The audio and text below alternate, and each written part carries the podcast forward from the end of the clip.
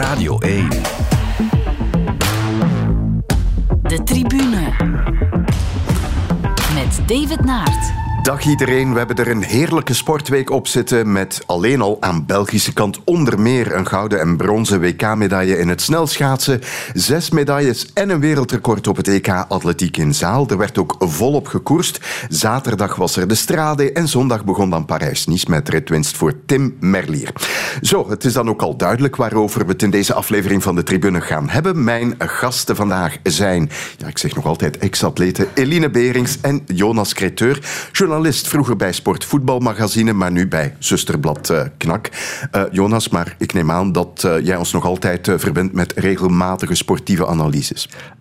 dat is op dat vlak niet veranderd ja, sinds de overgang, nee. Ja, en het is ook onder meer daarom dat we jou altijd graag te gast hebben. Eline, hoe gaat het met jou? Heel goed, heel goed. ja, mijn, ik, het is fijn dat je mij nog voorstelt als ex-atleet. Dat is ook natuurlijk zo, maar ik moet zeggen, voor mij ondertussen voelt het al toch wel als een beetje een ver verleden toch al hoor. Ik sta echt wel met mijn twee voeten in een nieuwe carrière.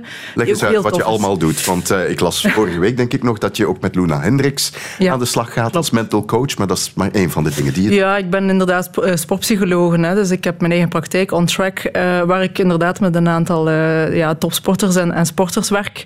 Maar ik ben ook altijd in dienst bij Sport Vlaanderen als ethisch consulent. waar ik ja, de mensen in de topsport probeer te houden. En ja, ik heb ook een aantal andere projecten zoals Rugby Bel 7 Sevensploeg die ik begeleid, nationale ploeg, die ook toch wel stiekem droomt van Parijs. Dus eh, heel veel toffe uitdaging. Ja, dat is allemaal te zien op jouw Instagram, denk ik ook. Af en toe toch wel, ja. uh, ja, ethisch consulent bij Sport Vlaanderen, dat is al iets meer dan een half jaar nu. Hoe loopt dat? Wat, wat kunnen we ons er concreet bij voorstellen? Het is natuurlijk een hele uitdaging, uh, maar een belangrijke wel, vind ik. En ik werk eigenlijk vooral met technisch directeurs en topcoaches ja, om echt wel hen vooral te ondersteunen in, in hoe die balans vinden tussen welzijn, zoals ik zeg, de mensen in de topsport, maar ook natuurlijk presteren. Hè, want we willen allemaal de prestaties zien die we dit weekend ook gezien hebben. En het blijft toch niet, geen, geen eenvoudige uitdaging om dat altijd op de juiste manier, op een menselijke manier te doen. En ik probeer daar zowel vanuit mijn achtergrond als atleet, maar vooral als psycholoog natuurlijk, en sportpsycholoog, eh, een kader aan te bieden en ondersteuningen te bieden om dat uh, zoveel mogelijk uit te bouwen. Ex-atlete, zei ik daarnet, maar één die alles wat met atletiek te maken heeft op de grote momenten wel volgt. Ja, sowieso. Uh, ik moet zeggen, ik word ook elke keer terug verliefd op mijn eigen sport. Het is ja. voor mij nog altijd mijn eigen sport. Je voelt het ook. Um, ja, om zoveel verschillende redenen. Ik heb het natuurlijk zelf ja, voor meer dan twintig jaar gedaan. Ik heb het van binnenuit beleefd.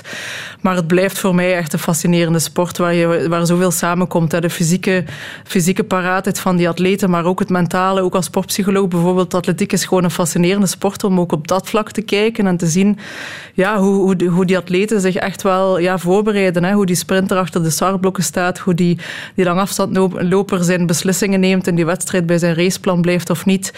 Um, er zijn zoveel aspecten bij atletiek. Het is ook heel, hè, al die verschillende disciplines die uiteindelijk op één weekend uh, allemaal bezig ziet. Dus ik vind het, uh, ja, mijn hart ligt er toch nog altijd bij, ja. Ja, ja, het was zoveel dat het zelfs voor de Turkse regisseur bij momenten moeilijk was om het allemaal te volgen.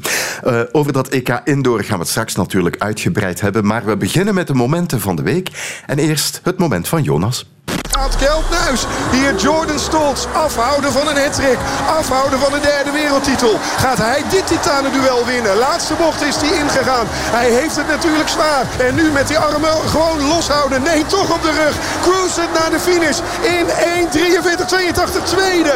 Hij slaat op zijn knieën en op zijn bovenbeen. Want hij weet het niet te voorkomen. De Olympisch kampioen buigt het hoofd en is woedend, woedend, woedend op de klok. Oh, nou, er moet nu even niemand naar Kjeldnuis toe lopen om hem te vragen om een reactie. Wacht maar even een paar minuten en een paar meter achter Kjeldnuis neemt daar dat 18-jarige kind uit Amerika weer die vlag van de Verenigde Staten in zijn armen. De Stars and Stripes, de Stolz and Stripes hier in Tialf. Voor het eerst in de geschiedenis zien we een schaatser de wereldtitel pakken. Op de 500 meter, op de 1000 meter en op de 1500 meter. Een hattrick die we nooit eerder zagen is nu voltooid door Jordan Stolz. De Jet uit Wisconsin. Dat was NOS-radiocollega Sebas Timmerman. Um, Jordan Stolz, een fenomeen in het snelschaatsen. Waarom heb je hiervoor gekozen? Omdat ik uh, al van kleins af uh, heel veel naar het snelschaatsen heb gekeken op de Nederlandse televisie ja, dan geniet je natuurlijk ook van, van de successen van, uh, van Bart Swings. Maar wat, ja, wat Stols nu afgelopen weekend gedaan heeft, dat was ja, ronduit fenomenaal. Nog eens zeggen, 500, 1000 en 1500 meter. Drie keer goud. Als en hij is 18 jaar jong, een kind noemde Sebas hem. Ja, want hij is, uh, was exact 45 dagen ouder dan de legendarische Eric Heiden toen hij in 1977 voor het eerst wereldkampioen allround werd. Ja. En het toeval wil dat Heiden ook afkomstig is van Wisconsin, de Amerikaanse, Amerikaanse staat Wisconsin. Dus, dus ja, zit wat in de grond. In de Amerikaanse media wordt natuurlijk al de, de vergelijking gemaakt tussen de legendarische Heiden, die dan op de Spelen van 1980 vijf gouden medailles had gepakt. Lake Placid, inderdaad. Alles gewonnen van de 500 tot en met de 10.000 meter. Maar ja, sindsdien is dat ja, nagenoeg onmogelijk geworden. En zelfs die triple 500, 1000, 1500 was... 500 en 1000, ja, dat zie je nog wel, maar die 1500... Die 1500 ja. Um, ja. zeker iedereen had verwacht dat, dat Nuis, Olympisch kampioen, Europees kampioen, kon net als Swings ook de triple vervolledigen. En om dan Nuis in, in zo'n vol TIAF-stadion al twee keer hebben gewonnen, dan toch nog eens te kloppen... Uh, ja, is fenomenaal ook omdat hij, ze heeft vooral een, een, uh, een schitterende bochtentechniek. Um, Mark Tuitert, bekende Excelsior, ook, ook commentator nu, um, ja, noemde het ja, alsof zij met 60 km per uur een, een, eh, een broodje met pindakaas aan het beleggen is. Um, ja, bijna de mooiste bocht die hij, zeker op de 500 meter, die hij ooit zag. En ja, vooral omdat hij blijkbaar heel lang druk kan zetten op zijn linkerbeen, wat heel erg moeilijk is. En waar ja, zelfs nu al schaatsers proberen hem te kopiëren als 18-jarige. Want het is een opmerkelijke verschijning, hè? want ik denk zelfs dat hij zich nog nooit heeft hoeven te scheren. Zo jong ziet hij eruit. Ja, maar en dat is, toch dit kunnen doen in het hol van de leeuw, in zo'n vol, sfeervol tialf. Wel, het is niet alleen fysiek een beest, want ik kan tot 190 kilo squatten, dacht ik. Wat ja, ook fenomenaal veel is. Maar eh, ja, de druk ja, druipt gewoon van hem af. Het is, het is, um, hij is er tegen bestand. Hij zegt zelf ook, ja, Eline, kan dat ook um, zeggen. Hij, hij, is alleen bezig met wat hij zelf kan controleren. Dat is altijd. Ja, het beste wat je kunt doen. Het beste wat je kunt doen als topsporter. en, en ja, want om, om dat ook te doen in een vol TIAF-stadion, waar 12.000 Nederlanders supporteren voor alleen die Nederlanders. En vijf Belgen, dat zag ik ook al. um, dus ja, fenomenaal. Um, het was uh, Laurent Dubreuil, de tweede op de 500 meter, uh, zei ook van, ja, zelfs als ik de, mijn perfecte race had gereden, dan had hij mij nog geklopt. Ja. Ja, ja, ja. En dat is ook een Olympisch kampioen. Ja. En, en zei ja. ook van, ja, alsof uh, Jordan Stolz, alsof je moet Michael Jordan moet verslaan. Ja. Uh, 18 jaar nog maar. Zijn belangrijkste concurrenten, de Nederlanders. Kjeld Nuis heb je genoemd. Thomas Krol, dat zijn wel al dertigers. Dus uh, ja, die weten hoe laat het is. Ja, is de toekomst van, van het snelschaatsen. Um, is nogthans niet de... Het zal misschien wennen worden voor de Nederlanders. Het zal mogelijk wennen worden, ja. Maar het is wel goed voor de sport, denk ik, dat je een variatie hebt aan landen die toch op het hoogste niveau komen meedoen en de prijzen pakken. Ja, want ja, bij de vrouwen was het weer een ja. economie van, van de Nederlandse dames. Dat is ook al wel wat langer zo. Ja. ja. maar bij de Nederlanders is het wel goed, zeker die Amerikaanse markt, dat die ook nog eens kan opengaan, dat is wel belangrijk. Alhoewel dit niet... Uh, het is een kleine sport, hè? Uh, ja, Heiden, in Amerika niemand zou meer kennen. Stelt dat hij zegt zelf ik ook, niet doen, maar. uh, hij zegt zelf ook, als ik buiten kom, ja, niemand herkent mij, is, is daar een um, ja, nobody. Alhoewel hij wel met een, twee artikels zelfs in de New York Times stond. Dus ah, ze hebben nu, hem nu wel ontdekt. Oké. Okay. Um, Eric Heiden, slotvraagje. Je noemde zijn eerste wereldtitel op zijn achttiende. Weet je waar hij die veroverd heeft? In 77? Ja. Dat weet ik niet. Tialf. Was het ook in Tialf? Dat was nog een buitenbaan. Ah ja, ja. dat vond ik een leuk weetje. Goed, straks nog meer schaatsen, maar nu gaan we naar het moment van Eline. Douwe Amos, 2,31 meter. 31. Nog niemand over die hoogte gegaan. Maar Amos doet het. En dat zou goud kunnen zijn voor Nederland. Ja, je bent routinier. Was je hier aan toe? ja, dat kan je wel zeggen. Uh, ik heb in 2013 mijn PR gesprongen. Toen een gouden medaille op het EK onder 23. En uh, toen had ik verwacht dat, uh, misschien niet dit soort momenten, maar in ieder geval het feit dat ik echt meespring om de medailles, dat dat eerder zou komen. Maar goed, uh, ik heb doorgezet en het, nou ja, het is er dan toch nog. Hoe emotioneel is deze? Ja, het heeft gewoon heel lang, heel lang ben ik hiermee bezig geweest. En ik heb constant het geloof gehouden dat ik dit kan en dat ik in finales zulke soort gekke dingen kan laten zien. Dat heb ik eigenlijk vroeger, heel vroeger, heb ik dat veel gedaan. Toen was het een tijdje weg en uh, ja, ik weet dat ze niet graag op de voorgrond staat. Maar Marlies Larsen, mijn coach, ja, deze is voor een heel groot deel ook van haar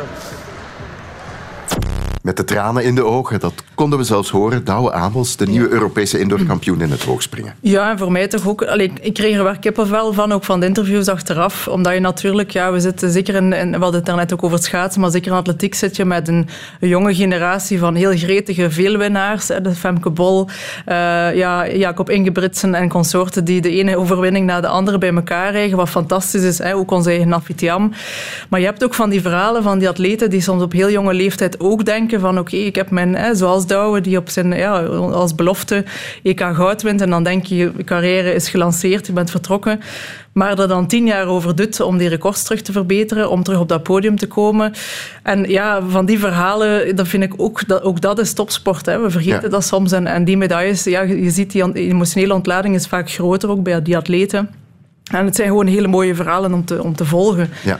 Um, dus daarmee, allee, daarom vond ik het wel een, een, heel mooi moment. Natuurlijk ook met Thomas Carmois, onze eigen Belg, die dan ook nog brons pakte, ja. uh, was het wel een mooie hoogspringfinale. Ja, het, de finale op zich was al een verhaal, vond ik. Ook voor uh, Amels zelf, want die kroop onderweg wel door het oog van de naald. Het parcours was allesbehalve vlekkeloos. Tot hij plots dan over voilà, die 2.31 springt. Ja, en, ik, en ik, er was ook een moment dat hij dan, hè, dat de, de 4x4 vrouwen en mannen die net de medaille gewonnen, die dan passeerden, dan sprongen daar in de armen van, die, van, de, van de aflossingsploegen. En uh, Mark Willems zei toen, ja, oei, hè, hij moet zich toch nog focussen, want het is nog lang niet gedaan. Hij had eigenlijk gelijk op zich. Ja. Maar ik denk, ik durf toch ook zeggen dat ook die kleine, dat soort kleine momenten, net soms voor een energie zorgen, ja, dat je tot, tot uitzonderlijke prestaties komt. En je hebt soms een klein beetje magie nodig, zeker dat soort atleten, die niet de veelwinnaars zijn, die niet het potentieel hebben om zomaar elke week boven die 2,40 meter te, 30 te springen. Ja. ja, dat heb je wel nodig, die momenten ja. natuurlijk. Hij zei het zelf, uh, hij was, uh, het was al in 2013, tien jaar geleden zelfs, uh, ja, iets meer, dat hij Europees beloftekampioen was in het hoogspringen. En ondertussen zijn we ruim tien jaar verder. Hoe ga je daarmee om als die resultaten dan uitblijven? De recordverbeteringen komen er niet, de resultaten komen er niet. Mm-hmm. Ik moet onbewust ook een beetje denken aan Ben Broeders, ook Europees beloftekampioen, onze Ben ja. Broeders in het polstokspringen. Hij verbetert natuurlijk wel die records nog, mm-hmm. maar heeft een probleem met de kampioenschappen. Dus ja, hoe ga je daar in godsnaam ja, mee om? En, en, en ook Julia Batrin is eigenlijk ook een, een vergelijkbaar verhaal. Hè, die ook ja. op een hele jonge leeftijd, ja, 21.06 geloof ik, als scholier op de 200 meter liep. Ja, dan denk je ook, die gaat hier de, de medailles aan elkaar rijgen. Die is ondertussen 30. Ja. Begint nu zijn medailles te winnen. Ook bij broeders inderdaad. Ja, en net dat vind ik. Ook die verhalen moeten we blijven zien en blijven, blijven brengen ook. Dat, dat heel veel in topsport... Ook Bart Swings trouwens, hè, heeft ook zijn moeilijke jaren gehad. Of iets minder jaren gehad. Hè, al, zijn, al viel het nog ja. wel mee, maar toch. Um, ja, je hebt de hele jonge veelwinnaars. Maar je hebt ook atleten die heel lang... Ja, toch die keuzes al dan niet blijven maken om, om, om die weg te blijven af, af, afleggen. Douwen is een bepaald moment naar Duitsland getrokken, heeft het ja. daar proberen zoeken, heeft het daar ook niet helemaal gevonden, is dan teruggekomen Maar dan moet je toch Nederland. kunnen volhouden. Dat lijkt me ja. toch moeilijk als die resultaten uitblijven. Absoluut, heel moeilijk. Maar dan heb je natuurlijk ook je omgeving nodig. Hè. Je hebt minstens één of twee andere mensen nodig die in jou blijven geloven. Meestal is dat dan de coach of entourage of in je privéleven, hè, je partner of je ouders die, die daarin meegaan, waardoor dat je ook voelt van ik ben niet de enige gekke atleet die maar in zichzelf blijft geloven. Dus je hebt minstens een aantal mensen nodig die in je verhaal blijven meegaan. Maar ook als atleet is het constant, ja, dat doen we uiteindelijk allemaal, of doen die atleten allemaal, is, is elke dag eigenlijk heel veel keuzes maken die je ofwel naar die resultaten brengen of ervoor zorgen dat je er nooit, dat je er nooit komt. En Douwe is die keuzes blijven maken. Is, is, heeft op een bepaald moment ook zijn job terug opgezet als, opgezegd als advocaat om toch weer voltijds Oh, hij is advocaat. Ja, dat heb ik toch ergens gelezen. Ja. Ik hoop dat dat juist is, maar ik heb dat toch zien passeren. Um, ja, dat is gewoon constant toch blijven van kijk, topsport, je hebt een bepaalde periode waar je dat kan doen en sommige atleten die blijven daarvoor gaan en dan is het natuurlijk fantastisch als je dan uh, toch die gouden medaille nog haalt. De tribune. Radio 1. Met dat moment van Eline zaten we daarnet al op het EK Indoor Atletiek en we gaan er nog even op door. Tian kan voor de derde keer dus Europese kampioen worden. En niemand uh, deed haar uh, dat voor. Het is uh, spannend. Als hier passeert moeten we beginnen tellen. Tiam gaat een wereldrecord vestigen. Tiam gaat een wereldrecord vestigen. Het is zover. Europese kampioenen. Maar ze heeft het wereldrecord.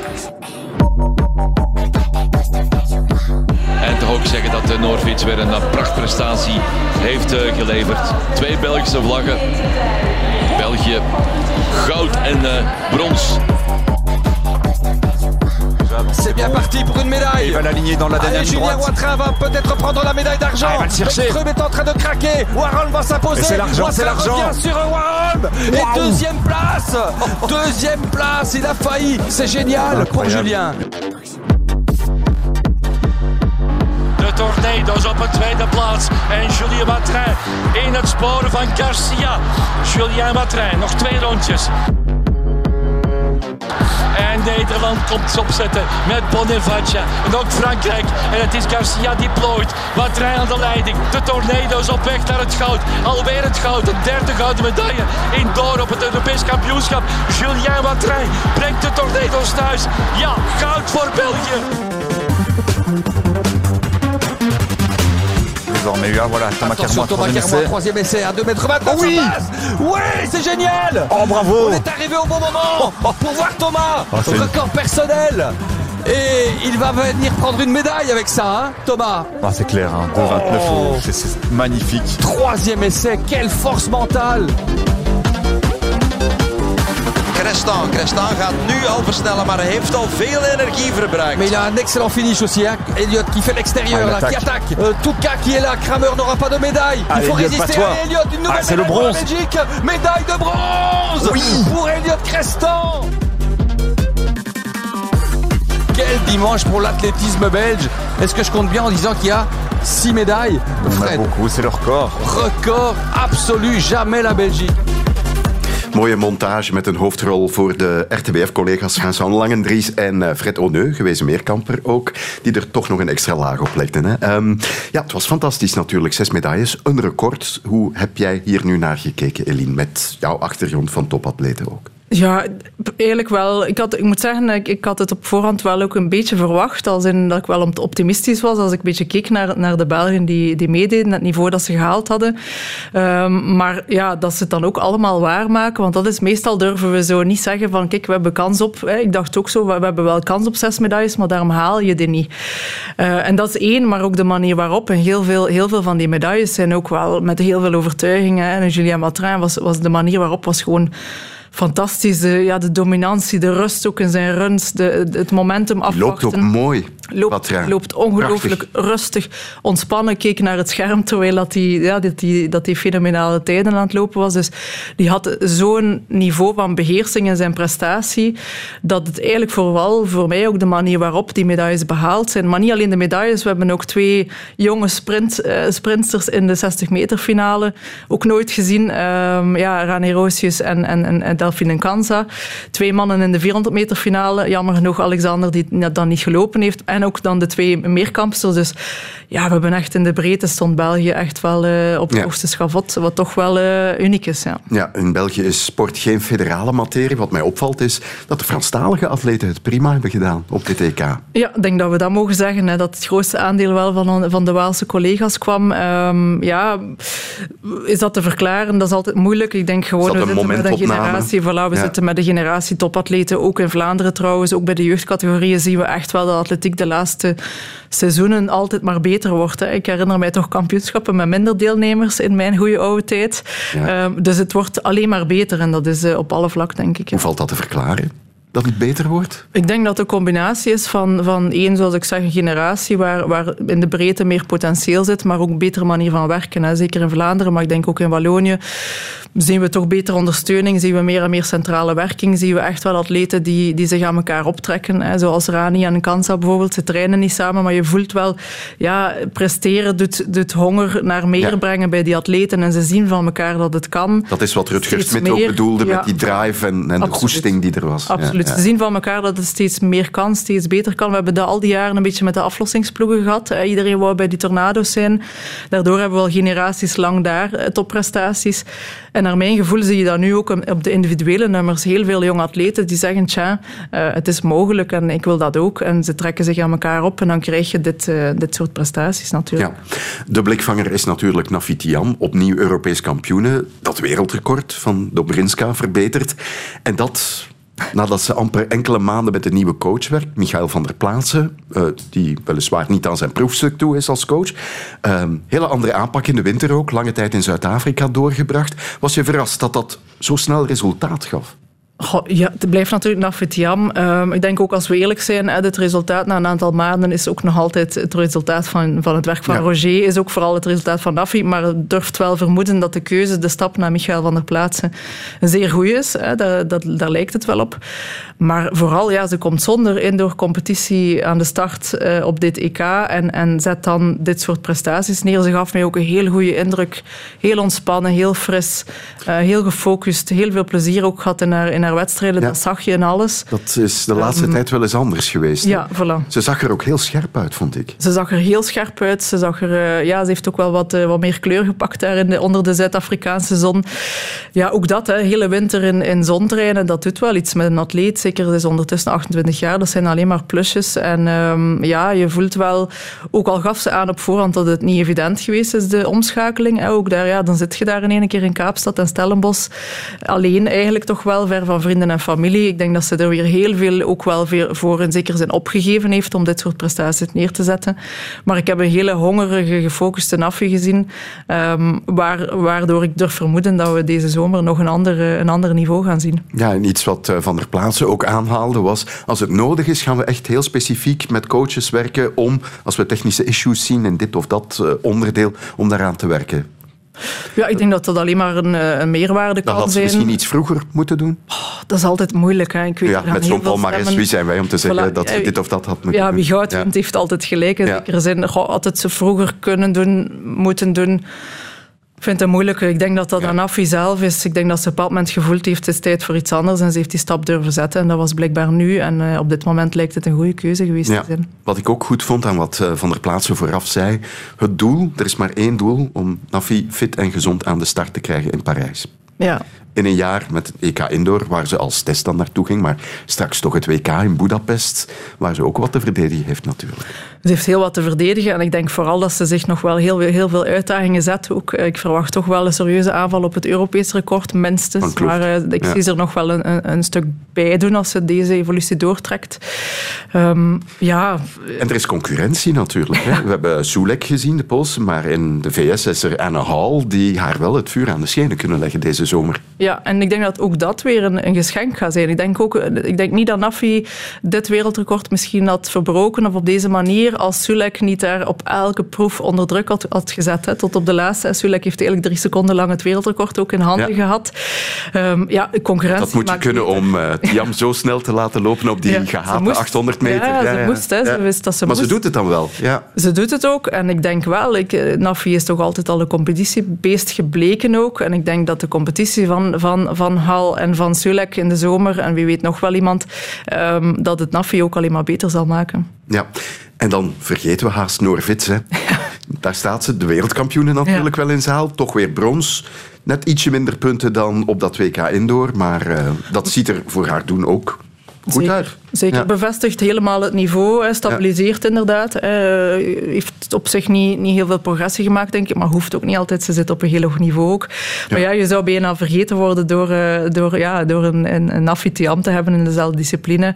Maar ik denk dat ze zeker opdracht volbracht heeft en uh, ik ben ook benieuwd wat Noren deze, deze zomer zal brengen. Ja, we gaan van de meerkamp naar de estafette, de Tornado's, met alweer Europees goud. wat mij al een ja, zeker hier opviel, maar het zat al langer eraan te komen, ze zijn minder afhankelijk van die Borlees geworden. Ja, en dat moest ook, hè, als we ja. eerlijk zijn. Het is een beetje uh, de, de, de, allerbeste jaren van, van Kevin en Jonathan en ook van Dylan, vrees ik. Ja, Jonathan is nu uh, jaar na voilà, jaar na is jaar. Al, is, zijn toch wel achter ons. Uh, Kevin slaagt er nog steeds in om heel goede splittijden te lopen, maar individueel zien we dat daar echt wel verval op komt, wat normaal is. Hè. Maar je maakt maar, ook resolute keuze voor de estafette. Tuurlijk, toch, en, en al een paar jaar. Ja. We, we zien daar een, een keuze in. Maar we zien de jonge, de jonge atleten, hè, Alexander Doom, Julien Watrin, die nu echt wel de belangrijkste factoren waren. Hè. Die hebben ook nu weer het verschil gemaakt, naar mijn mening. Ja. Eh, gewoonlijk is het Kevin die het moet afmaken en Ja. nu was het dus wat er. Ja, want Kevin zat eigenlijk al. Kevin heeft eigenlijk gewoon twee rondjes moeten lopen. Heeft ze wel heel snel gelopen, daar moeten we eerlijk over zijn. Maar zat wel in een zetel. Hij is gewoon eigenlijk op cruise control. Heeft niemand moeten passeren, heeft niet moeten duwen, trekken. Alexander Doom heeft van de vierde plaats naar de tweede gegaan. En, en Julian Watrin maakt opnieuw eh, op het einde de, de, perfecte move om, eh, om naar het goud te sprinten. Dus die hebben echt wel het verschil gemaakt. We hebben die jonge atleten nodig om, eh, om op dit niveau medailles te blijven lopen. Ja. Het is wel jammer dat Jonathan Sakor op de sukkel is. Hè? Dat is nu al een paar jaar. Ja, moeten we bang zijn voor zijn toekomst?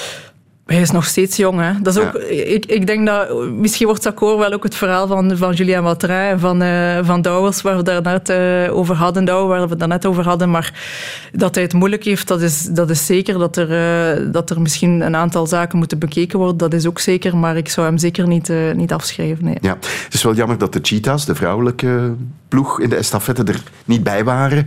Hebben ze dat verkeerd aangepakt op het Belgisch kampioenschap? Of wat denk je ervan? Dat is natuurlijk ook, ik denk Ja, dat ze allemaal Dus, nog... eh, de ja. opgetelde tijden om in aanmerking te komen om mee te doen. En Ja. daar, zaten ze, daar waren ze niet snel genoeg voor. Niet snel genoeg, natuurlijk. Die ene, Op die basis ene van die ene wedstrijd. Voilà, daar hadden ze het misschien tactisch, want ze hebben het daar echt wel hard gemaakt naar elkaar toe. Ze hadden daar misschien iets, eh, iets vri- vriendelijker voor elkaar moeten zijn bij het ingaan van de tweede ronde. Maar ook daar denk ik, ze moeten ook gewoon nog een stap zetten. Hè. Ik denk als ze allemaal nog wat sneller worden. Je ziet ook individueel hè, dat we nog geen, eh, geen cheetahs hebben die individueel op de 400 echt meedoen voor finale plaatsen of zelfs de halve finale hier en daar al een keer. Ja, die moeten gewoon nog een stap zetten om, om zich gemakkelijker te plaatsen en zo ook te kunnen meedoen op het hoogste niveau. Maar, eh, maar dat komt er ook wel, denk ik. Ja. Ehm, Thomas Carmois, je hebt hem al genoemd. Dat is wel een figuur. ja, hoe hij voor de dag komt en ja. Ja, aparte, Ook nog jong? atleet, nog jong, is ook niet, eh, voor als hoogspringer, zag ook het podium, hij is niet de grootste ook, heeft niet, de- niet eh, de typische hoogspringallures, eh, maar heeft wel, ja, heeft wel een zeer zuivere sprong, eh, heeft er ook heel veel voor gedaan. Hij sprak ook toch wel van zijn voorbereiding, waar hij toch ook wel heel veel kilo's proberen, ver, verloren heeft, niet geprobeerd, maar effectief verloren heeft. Een heel jonge, ja, jonge wolf, maar die, eh, die ook echt wel heel, heel, heel goed presteert op de momenten dat het moet. Dus ik denk dat we ook daar wel eh, met een klepper van formaat zitten. Alleen moeten we wel eerlijk zijn, op het hoogspringen ontbreken momenteel nog steeds de Russen en de Wit-Russen, die normaal gezien eh, toch ook wel die sport en discipline domineren. Dus ja, het is, ik denk dat hij nog hoger moet springen om op wereldniveau mee te doen. Maar dat het een, een atleet om te volgen is, dat zeker, ja. Ja, je noemde daarnet eh, Rani Rosius en Delphine Kansa. Finale 60 meter gelopen, vierde plaats eh, voor Rosius. Eh, we gaan even luisteren wat ze na de wedstrijd toen zei. Camboetje zei nog tegen mij van ja, gewoon just relax and have fun. En dan was oké, oké. Ehm, ik zal dat doen en ik heb het ook gedaan. Ik heb echt van genoten. Ik had echt totaal geen stress. We waren het lachen in de oproepkamer en nog eh, mensen aan het nadoen en aan het zeveren eigenlijk over van alles en nog wat. Maar het heeft geholpen om ons allebei rustig te houden. En het heeft ons geleid tot eh, twee eh, nieuwe persoonlijke best. En ja, we zijn super blij. Ik denk niet dat ze gaan slapen deze nacht. Want we delen een kamer samen en ik denk dat het puur adrenaline gaat zijn. Je bent vierde wel, hè? Ik bedoel, dat is fantastisch. Dat is fantastisch, maar denk je dan niet van, oh, had ik nog een beetje daar of daar, dan had ik derde kunnen zijn? Ik ben 22. Ik heb tijd genoeg. Ik heb echt nog tijd genoeg. Het is nu ja, de tweede keer dat ik een Europees kampioenschap meedoe en het is eh, stap voor stap. Ik zag je glimlachen toen zei ik ben 22, ik heb nog tijd genoeg. Ja, en over figuren gesproken, hè, ik denk dat dit er ook wel eentje is. Ehm, ze heeft tijd genoeg en, en ik denk ook vierde worden in, in dit veld. hè, Als we kijken, top drie waren wel de verwachte, hè, maar dat zijn wel wereldtoppers. Cambodja is, is een wereldsprinster. Hij is niet alleen een Europese topsprinster, maar die, ja, die heeft al een pal- palmares eh, ja, bij elkaar gelopen eh, van je welste. En ook Svoboda en, en Nita, dat zijn echt wereldtoppers. Hè. Dat zijn finalisten van WK's. Dus ja, onze, onze twee jonge dames, die, die kruipen daar heel dichtbij komen ook in de buurt van de tijden van Kim Gevaert, toch ook niet tenminste. Hè. Dus, ehm, dus ik denk, ja, we zitten wel goed voor de toekomst. En dit is wel Rani, ook die nuchterheid, die speelsheid, ehm, dat, dat, dat siert daar ook wel. En dat zorgt er ook voor dat ze die ontspanning ook behoudt op zo'n grote momenten. Ja, in het algemeen dus een uitstekend Belgisch resultaat. Maar wat echt telt in de atletiek en voor de contracten ook, is de zomer. En met een WK moeten we ook realistisch zijn in onze verwachtingen. We moeten zeker realistisch zijn, maar ik denk ook, we moeten ook durven vieren wat er te vieren valt. En Absoluut. de EK was fantastisch. En ja, in sport eh, kijk je altijd verder en alles draait rond de WK's en de Olympische Spelen. Maar atletiek is wel een wereldsport en ook in Europa zijn, wordt het in zowat alle landen op het hoogste niveau gedaan, mogen we niet vergeten. Dus als een land als België vijfde staat in de medaillestand, dan hebben we het gewoon fantastisch gedaan. En belooft het ook wel veel voor Parijs en voor, eh, voor de komende WK's. De tribune. Met als gasten vandaag Jonas Creteur en Eline Berings. Volop koers deze dagen met de Tirreno en Parijs-Nice. Maar afgelopen weekend ging het toch vooral over de Strade Bianche. Om te beginnen de wat bizarre ontknoping in de wedstrijd bij de vrouwen. Na een sprint tegen ploegenoten Lotte Kopecky wint Demi Vollering de Strade Bianche. Maar dat weet ze op dat moment nog niet. Sterker nog, Vollering is boos op Kopecky. En zegt haar... Ik weet dat je een killer bent, maar hadden we dit niet samen kunnen vieren? weet dat je een killer bent, maar hadden we het samen kunnen vieren? Wat is er allemaal gebeurd onderweg? Oeh, ik weet het geloof ik nog even niet. Het was echt... eh, Ja, ben je boos? Ik weet het niet zo goed. Ik weet sowieso niet wie er won, dus... Ah, jij denkt Lotte, Lotte Kopecky. Eh, die wordt nu ook eh, meegenomen naar, de, naar het podium. Ja. Ja, dat is toch opmerkelijk dat dat gebeurt tussen ploegenoten? ja, dat vind ik jammer. Mijn ploeggenoten ben door dik en dun, dus... Ik zou het niet zo doen, maar... Even later krijgt Vollering te horen dat zij toch zelf gewonnen heeft. Achter de schermen worden de scherven gelijmd en vervolgens geeft ze naast Kopecky opnieuw een interview.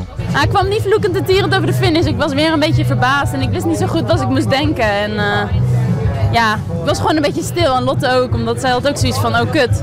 Ja, wat hebben we nou eigenlijk gedaan? Ja, Jonas, eh, ik las jouw eh, bijdrage hierover vanmiddag.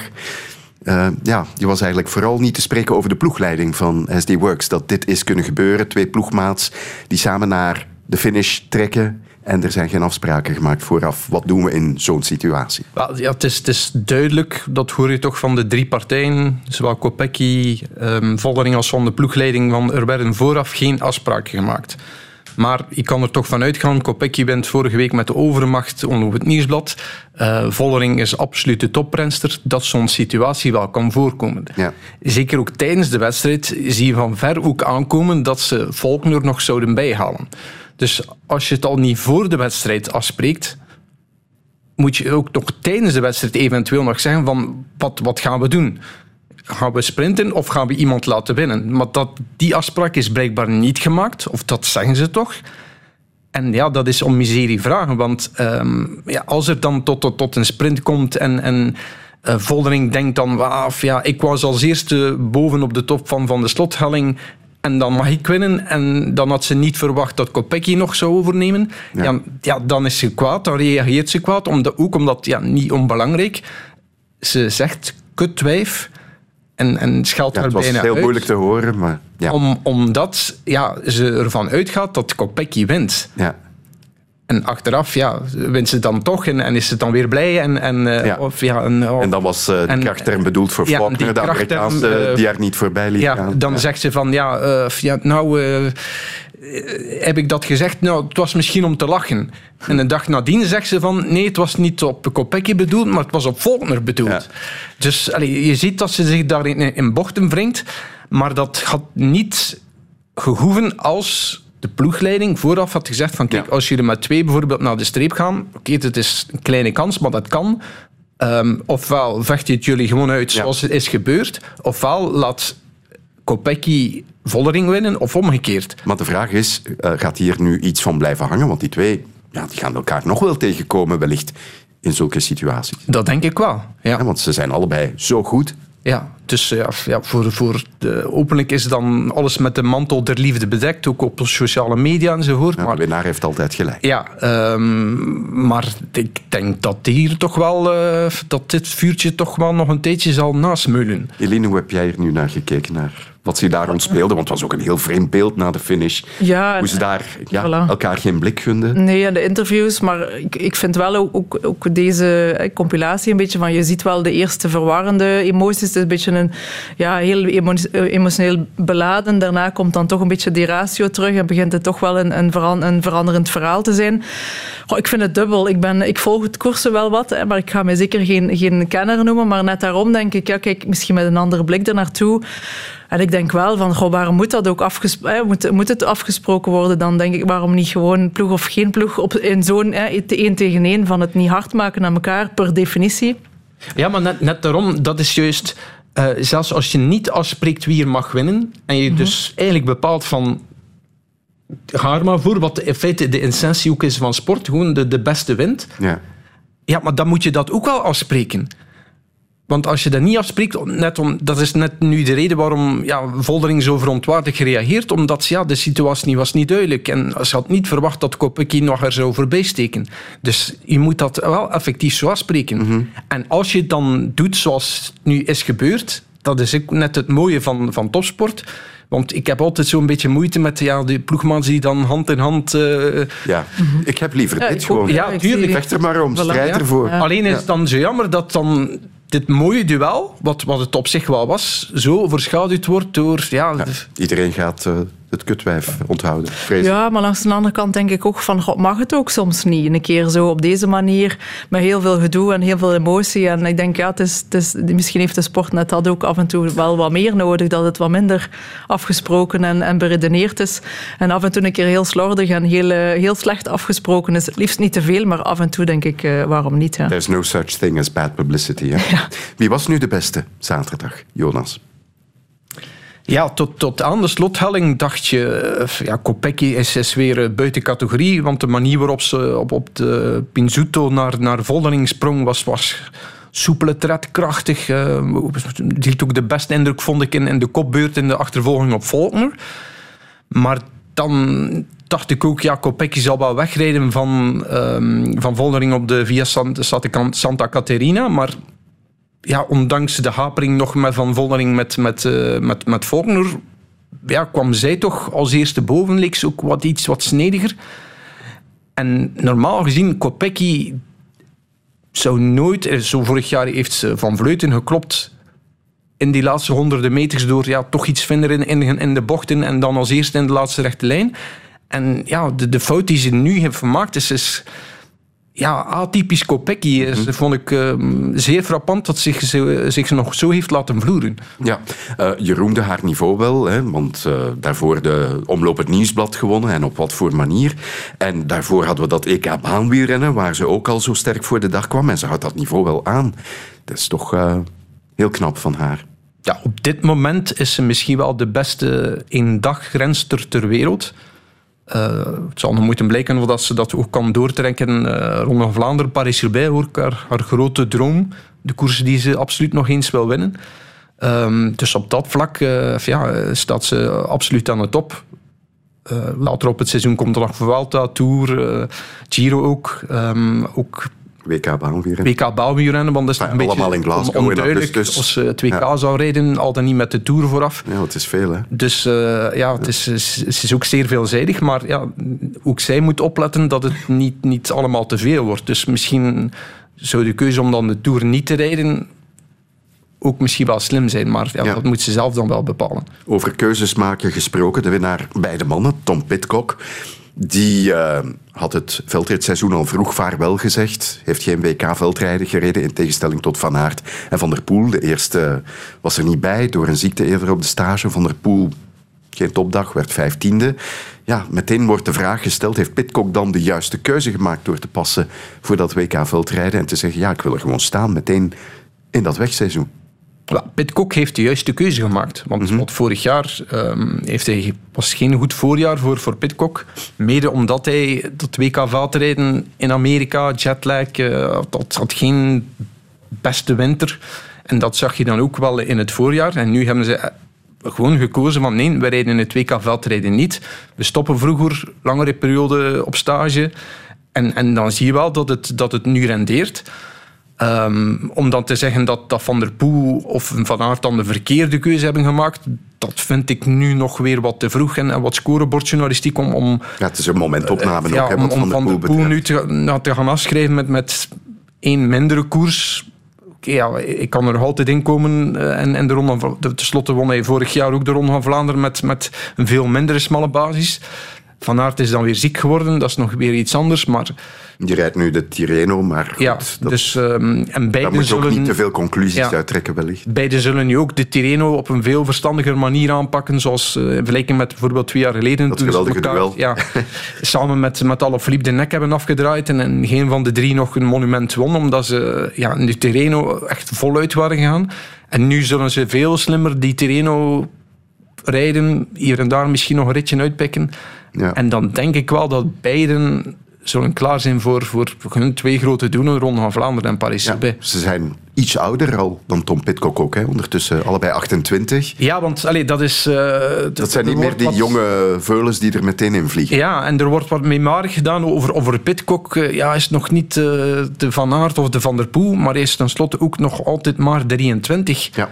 En toen Van Aert 23 was, reed hij zijn, maar zijn eerste voorjaar in 2018. Herinner u zijn derde plaats op de, ook op de Strade Bianche, waar hij van zijn fiets valt. Eh, maar dat was, toen kwam hij rechtstreeks ook van het WK veldrijden in Valkenburg. Dat was zijn eerste voorjaar op die leeftijd. En Ja. en, en Pitcock is nu 23, maar is ook al Olympisch kampioen mountainbike. We mogen dat absoluut niet vergeten, want dat is, dat is een, een fenomenale prestatie tegen die tegenstand. Eh wint vorig jaar, eh, weliswaar vanuit de vlucht, dan een van de meest prestigieuze toerritten. Eh, klopt ook Van Aert al in een Brabantse pijl. En hij zo na in de goldrace. En, en velen zeggen nog altijd, en is er zelfs nog altijd van overtuigd dat hij Van Aert heeft geklopt in de goldrace, omdat met die fotofinish toch iets mis was.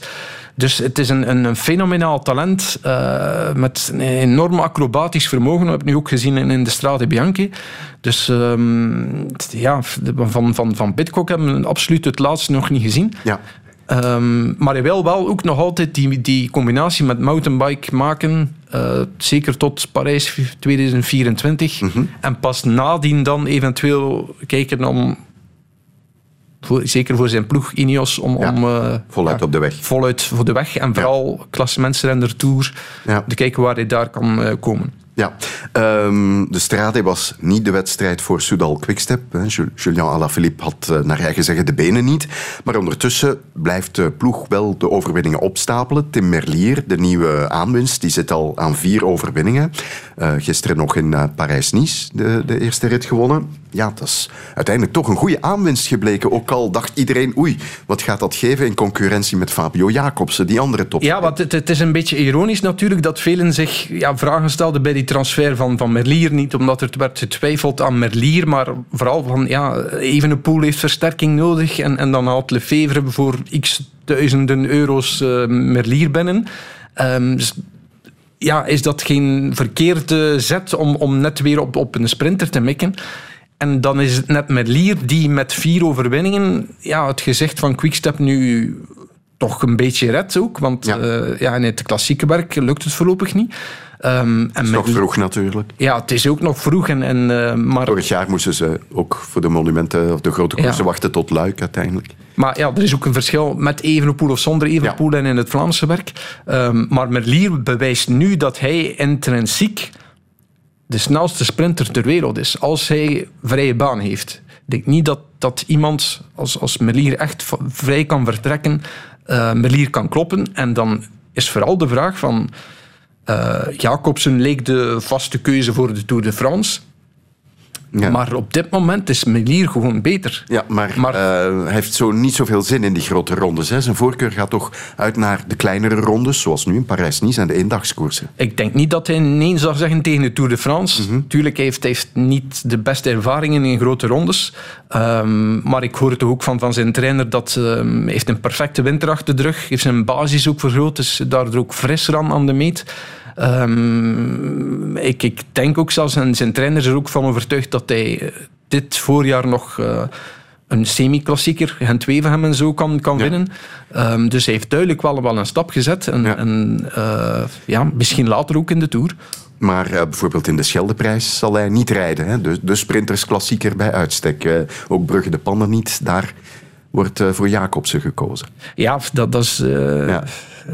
Dat is het nadeel van, van twee topsprinters. Zo is het. Maar, maar Jacobsen zal dan ook wel weer die druk hebben om ja, die wedstrijd te moeten winnen als, als Melier zo blijft presteren. De tribune. Want dat laatste thema, daarvoor moeten we terug naar Tialf, waar afgelopen weekend liever onder meer dit gebeurde. Op het wereldkampioenschap schaatsen is de finale van de massastart aan de gang. Het favoriete nummer van Bart Swings. Hij is al Olympisch en Europees kampioen op dat nummer. Ja, Bert Sterks, hoe doet hij het nu op het WK?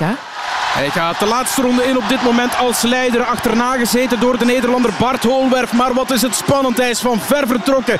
En heeft een voorsprong van een meter of 4-5. Holwerf komt nu in zijn buurt. Hij zit in de laatste bocht, maar kan niet het vasthouden. Die Holwerf heeft een goed eindschot. Die komt wat breder de bocht uit. Ook Giovannini komt er langs langs. Het is Swings die wereldkampioen werd. Jawel! Europees kampioen. Olympisch kampioen.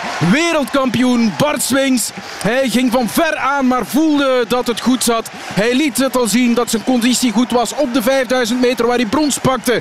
Maar nu is het dus eindelijk gelukt na vele mislukkingen op die massastart op de wereldkampioenschappen. Valpartijen ook, het wilde maar niet lukken. Heb je vandaag nog aan al die vorige teruggedacht, aan de valpartijen, de tactische fouten en dergelijke? Um, ja, maar wel op een, op een positieve manier eigenlijk. Om, uh, ik heb uh, op sommige WK's ook wel echt goede dingen gedaan, zoals die valpartij in Insel. Um, toen ging ik ook op 700 meter, toen zat ik er dichtbij. En um, is een beetje de inspiratie voor vandaag geweest om het uh, opnieuw op die manier te doen. Eline, je begon duchtig te schrijven toen je zei... Uh, ik heb op een positieve manier daaraan teruggedacht. Uh, wat ging er door je heen toen je Ja, om, omdat het wel iets fundamenteel is in, in, de, in de topsport en, en, de psychologie van de topsporter, is dat je inderdaad in plaats van ja, te blijven hangen in, in de prestaties die tegenvallen of in de fouten of in de verkeerde zaken, om daar, om daar iets uit te halen, hè, om daar iets van te leren. Maar bovendien het ook als de sterktes eruit te halen. Hè, van wat heb ik daar eigenlijk goed gedaan? En dat zegt eigenlijk heel mooi van oké, okay, het resultaat was daar nog niet ik wou doen, maar ik heb daar wel al heel veel goed gedaan en dat ga ik meenemen. En dat klein deeltje dat dan minder was, daar ga ik iets mee doen en daar ga ik iets, iets van leren. Dus dat is eigenlijk echt wel ja, je eigen sterktes goed leren kennen, die beter leren inzetten. Ik heb dat ook in een van zijn interviews zien passeren, dat hij veel, veel bewuster op zijn, op zijn eigen krachten rijdt, op zijn eigen sterktes rijdt. Ja, en dat is eigenlijk, als je dat vindt als topsporter, ja, dan, dan kom je vaak sneller dichter bij je, bij je absolute topniveau, wat hij natuurlijk doet op dit moment. Ja, want hij is regerend Europees, Olympisch en ook wereldkampioen. Um, dat kunnen er niet veel zeggen. Uh, alleen Tiam heeft dit hem voorgedaan. Ja. Twee keer zelfs. Ja. Uh, maar anderen, Fred de Burggraven, was het dan altijd wel ergens een EK dat ertussen zat en dat hij niet aan meegedaan heeft. Ook de Red Lions hebben het niet gedaan, omdat ze dan de EK verloren voor de Olympische Spelen. Dus ja. um, allee, het is een unieke trilogie, maar ik um, denk dat hij, dat, is ook, dat was ook de, de, de, titel van, van mijn stuk, beloond is geweest voor de gedurfde keuze die hij heeft, heeft, heeft durven maken. Leg eens uit. Um, eerst en vooral door ja, alle successen op de massastart zijn, zijn de hyperspecialiteit zou je kunnen verwachten dat hij misschien zegt: Oké, ja, ik, ik concentreer mij volledig op, op die massastart. En, en ja, die individuele nummers, ja, dat laat ik aan mij voorbij gaan of gewoon puur als training. Maar nee, hij maakt nu effectief een doel van die vijf kilometer. Misschien zelfs nog zijn grootste doel om um, in 2026 daar op, ook op dat nummer een Olympische medaille te behalen. Wat eigenlijk dat nog... zat er al een keer dichtbij, hè? Helemaal ja, vierde, vierde en vijfde in Sochi, in 2014. Ja. Uh, maar sindsdien zat hij er nooit meer echt dichtbij. En, en nu pakt hij dan brons uh, op het WK. Weliswaar mede door het forfait van, van de, van de Noor-Eitrem. Dat onthoudt niemand. Maar dat onthoudt Iedereen onthoudt niemand. de medaille. En, en uh, ik denk dat het voor hem ook, uh, mede door omdat hij dan een andere, volledig andere trainings... Want dat, dat is net het gedurfde, dat hij volledig anders is gaan trainen op de manier, of toch voor grotendeels toch, zoals Niels van der Poel. De dat is de Olympische kampioen die meteen na zijn twee ja. gouden medailles het voor bekeken hield en blijkbaar ja. dus al zijn trainingsschema's online, online had gezet. en, en ja, Swings, Swings vond dat zo fascinerend. Um, zeker ook omdat het een heel zwaar trainingsschema is. Maar Swings ja, kijkt daar ook een beetje op natuurlijk. Is een sportdier tot en met. Kan afzien. Kan als afzien beesten. tot en met. En, en um, ja, het blijkt dat het ook al rendeert. Hij zegt zelf ook, ik maak fysiek ook nog altijd progressie. En um, dat hij dan die, durft, die keuze durft te maken ja, je ziet dat het ook rendeert. ehm, of dat het dan... Op zijn 32. Op zijn 32ste, want En nee, we spraken na daarnet al van tien Stols. jaar op het ijs. Ja, we spraken daarnet van Stols, 18 jaar. S- Swings heeft zijn eerste medaille in 2013 behaald. Van toen schiet er niemand meer over die, die één ofwel nog schaatsen of twee nog in aanmerking komt voor, voor een medaille. Ehm, dus alleen ook die, die periode waarin hij ook aan de top staat, is, is, is fenomenaal. Ja. Ehm, Is Bart Swings onze meest ondergewaardeerde kampioen? Dat hij nog altijd te weinig aandacht krijgt, dat vind ik van wel. Ja. Ik denk dat het toch... ehm, wordt altijd gezegd, het is een kleine sport. Dat is waar, uiteraard. Hè. Maar als je zo domineert in een grote of een kleine sport, als je prestaties levert die nog nooit die geschiedenis zijn in de sport, hè, in, al- algemeen, vergelijkt met Nafitiam, ehm, ja, dan, dan zijn hij gewoon een van de allergrootste. En ik denk dat wat dat betreft dat hij soms nog een beetje onderbelicht blijft. Ja, omdat we nu eenmaal eh, in België andere grote sporten hebben die heel veel aandacht krijgen. En ja, ik, ik vind het alleen maar terecht. Ik ben ook blij dat hij bijvoorbeeld vandaag dat de, dat de sporters wel, wel op zijn minst eh, de aandacht krijgen die ze verdienen. Want eh, Ja. dat is absoluut zo, ja. Maar het jammer is, hè, hij is 32, hij wil nog wel enkele jaren blijven schaatsen. En hij zal wel weten wat hij kan en niet kan. Maar wat na Bart Swings, hè, dat, dat is de grote vraag. En ik heb in dat opzicht ook mijn licht eens opgestoken op het kabinet van eh, minister van Sport, Ben. Eh, want een jaar geleden, na het Olympisch Goud, werd er plots gesproken over een studie om een eh, 400 meter ijsbaan aan te leggen. Waarvan Swings trouwens zelf zegt, niet doen. Dat kun je niet verantwoorden, 50 miljoen, als je niet die schaatsers, dat volume op topniveau hebt. Maar de plannen zijn dus wel om te investeren in nieuwe shorttrack-pistes in Hasselt en Herentals. Ja, dat lijkt me op zich wel verstandig, omdat daar ook talent rondschaatst. En ja, als zich iemand aandient om de 400 meter baan te gaan tackelen, dan kunnen ze die begeleiden en ook richting Nederland Maar sturen. Het, is- het is al een, een tijdje een filosofie van eh Tops voor Vlaanderen om het vooral te focussen op de 6,4 procent van het totale budget van 20,4 miljoen van 2022 gaat in feite naar drie wintersporten. Snowboarden, shorttrack en kunstschaatsen. Dus snelschaatsen zit daar niet bij. Ja. Eh, dus uh, maar een Ken Want, want het is toch jammer, hè? Bart Swings creëert iets. Ja, maar Ja. Het, zijn, het natuurlijk dit zijn hele dure sporten. En dat is die moeilijke afweging van, van uiteindelijk blijft het hè, een klein land. Het gaat dan nog vaak over Vlaanderen. Hè, het is dan nog niet altijd federaal.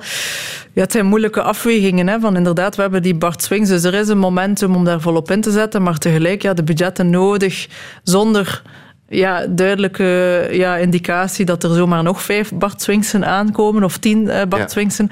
Het is een moeilijke oefening. Hè. We hebben zoveel sporten. Maar je hebt wel een dat skileren waar er toch een traditie bestaat. Dus misschien kan daar aan talentdetectie wat meer worden gedaan in functie van, voor Voilà. zover ze het nog niet doen. Maar ze kiezen nu vooral voor shorttrack. Waarom? Heel simpel, omdat die...